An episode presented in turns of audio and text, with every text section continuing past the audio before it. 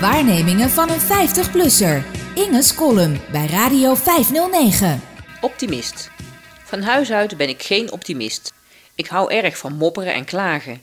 En ik krijg vaak van mensen te horen dat ik cynisch ben. Dat vind ik niet erg. Laat mensen dat maar denken.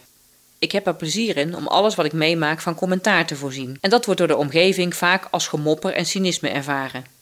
Het plezier dat ik er zelf aan beleef ontgaat de meeste mensen. Ik tref helaas maar weinig gelijkgestemden die mijn lol begrijpen en er graag nog een schepje bovenop doen. Op mensen die dat kunnen ben ik zuinig, want ze zijn in de minderheid.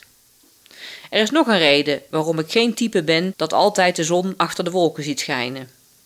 Dat heeft te maken met de diep in mij verankerde overtuiging dat je beter van het slechtste uit kunt gaan, omdat het dan alleen maar mee kan vallen. Als je denkt en rondbazuint dat je binnen een week je huis voor een vette prijs verkoopt, dan treft het noodlotje en gaat er iets goed mis. Je kunt dat noodlot dus beter misleiden door van tevoren alvast de meest zwarte scenario's uit te denken. Het probleem hierbij is wel dat ik steeds weer merk dat er altijd nog een scenario blijkt te zijn waar ik niet aan had gedacht en dus niet op ben voorbereid. Die les en de vele andere harde lessen die ik tot nu toe in mijn leven heb geleerd, veranderen dit gevoel niet. Het zit blijkbaar erg diep. Sommige mensen beweren dat dit mijn katholieke opvoeding moet zijn. Maar dat lijkt me onwaarschijnlijk, omdat het type katholicisme waarmee ik in de jaren 70 en 80 ben opgegroeid niets te maken had met schuld en boete, maar uitsluitend met positieve dingen als samen delen, vrede en gezelligheid.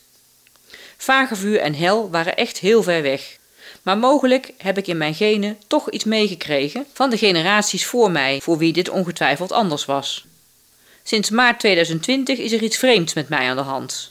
Ik herken mezelf niet meer. Opeens ben ik een taaie optimist geworden. Soms, tegen beter weten in, herhaal ik tegen iedereen die het horen wil mijn positieve verwachtingen. We zijn er bijna vanaf. Dat virus is gewoon een ernstige griep.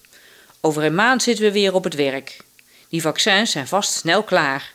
Een tweede golf in het najaar? Nee, dat zal toch niet? Het gaat net zo goed. Ik geloof er niets van. Vanaf het moment waarop ik op 13 maart 2020 hoorde dat het onderwijs online moest en onze school dicht zou gaan, ging ik ervan uit dat het binnen een paar weken voorbij zou zijn. Moest zijn. De meeste mensen dachten dat toen, neem ik aan. Maar ik ben dat blijven geloven.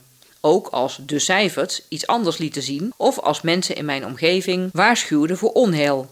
Een nieuwe lockdown, de avondklok, mondkapjesplicht. En nu we bijna allemaal gevaccineerd zijn, krijg ik eindelijk gelijk. Mensen die zeggen dat het allemaal nog heel onzeker is, dat de Delta-variant nog voor een zoveelste golf in het najaar kan zorgen, dat het te snel gaat, jongeren na hun vakantie in het zuiden besmet terugkomen. Ik geloof er oprecht niets van. Sterker, ik kan gewoon niet luisteren naar dat soort verhalen. Het moet nu echt stoppen. Weg met die angst. Misschien komen er mensen besmet terug, maar dat geeft niet, want die kunnen dat aan. Die komen niet in het ziekenhuis en al helemaal niet op de IC. Ik sluit me af voor fallback scenario's, zoals dat op mijn werk heet. We gaan gewoon de introductie organiseren, zonder afstand of andere tegennatuurlijke regels. Ik verheug me enorm op een collegezaal vol gespannen eerstejaars. Vorig jaar viel het tegen en was de vreugde van korte duur. Maar nu is het anders. We hebben vaccins en de kwetsbare mensen zijn ingeënt. Het leven gaat weer beginnen. Geen tegenspraak graag. Dit wordt een vrolijke zomer. Eerst genieten van alles wat weer kan en mag. Daarna ga ik wel weer mopperen en cynisch doen, als vanouds. Dan is het leven weer echt zoals het moet zijn.